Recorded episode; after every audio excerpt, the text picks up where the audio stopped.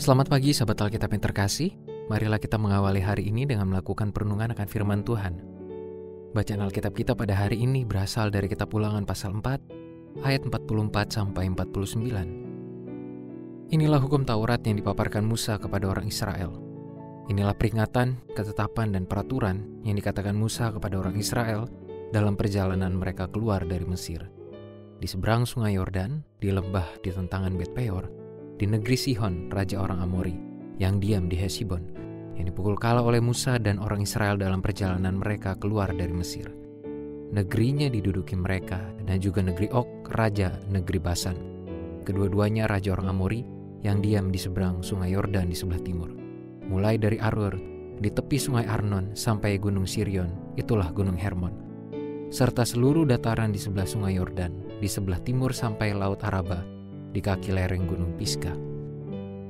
Sahabat Alkitab, sejarah menjadi sebuah bagian dari kehidupan manusia yang sayangnya tidak melulu dipandang penting untuk sebagian orang. Bagi mereka yang menyukai sejarah, tentu saja akan menikmati setiap aspek pembelajaran yang didapatkan. Namun bagi mereka yang kurang begitu menyukai sejarah, cenderung akan merasa bosan atau bahkan menganggap informasi tersebut sebagai kesia-siaan.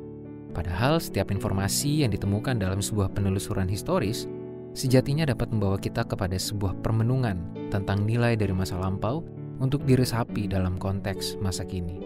Itulah mengapa setiap manusia maupun sebuah bangsa memiliki tuntutan agar tidak melupakan sejarah jikalau ingin mengalami peningkatan di masa depan. Poin yang serupa juga muncul di dalam pengantar terhadap segala catatan terkait hukum Taurat yang dituliskan Musa bagi bangsa Israel. Sekilas, segala penulisan nama, letak geografis, maupun tempat hanya terkesan sebagai rekaman historis yang formalistis.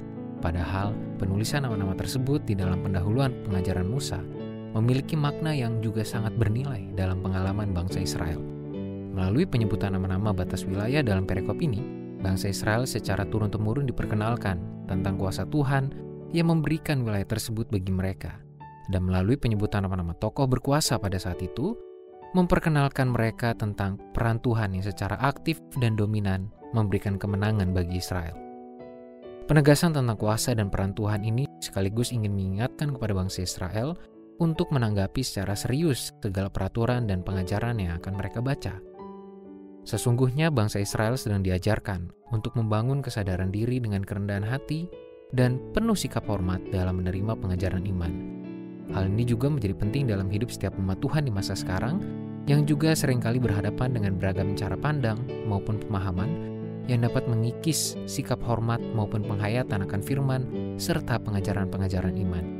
Itulah mengapa setiap pembacaan Alkitab, pendengaran akan firman Tuhan, maupun berbagai bentuk pengajaran terkait hidup keimanan perlu diawali dengan kesadaran akan peran Tuhan dan sikap hormat atas kuasanya.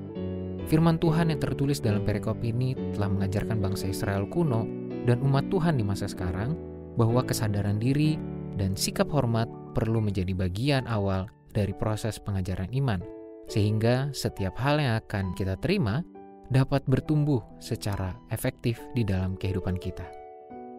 Marilah kita berdoa.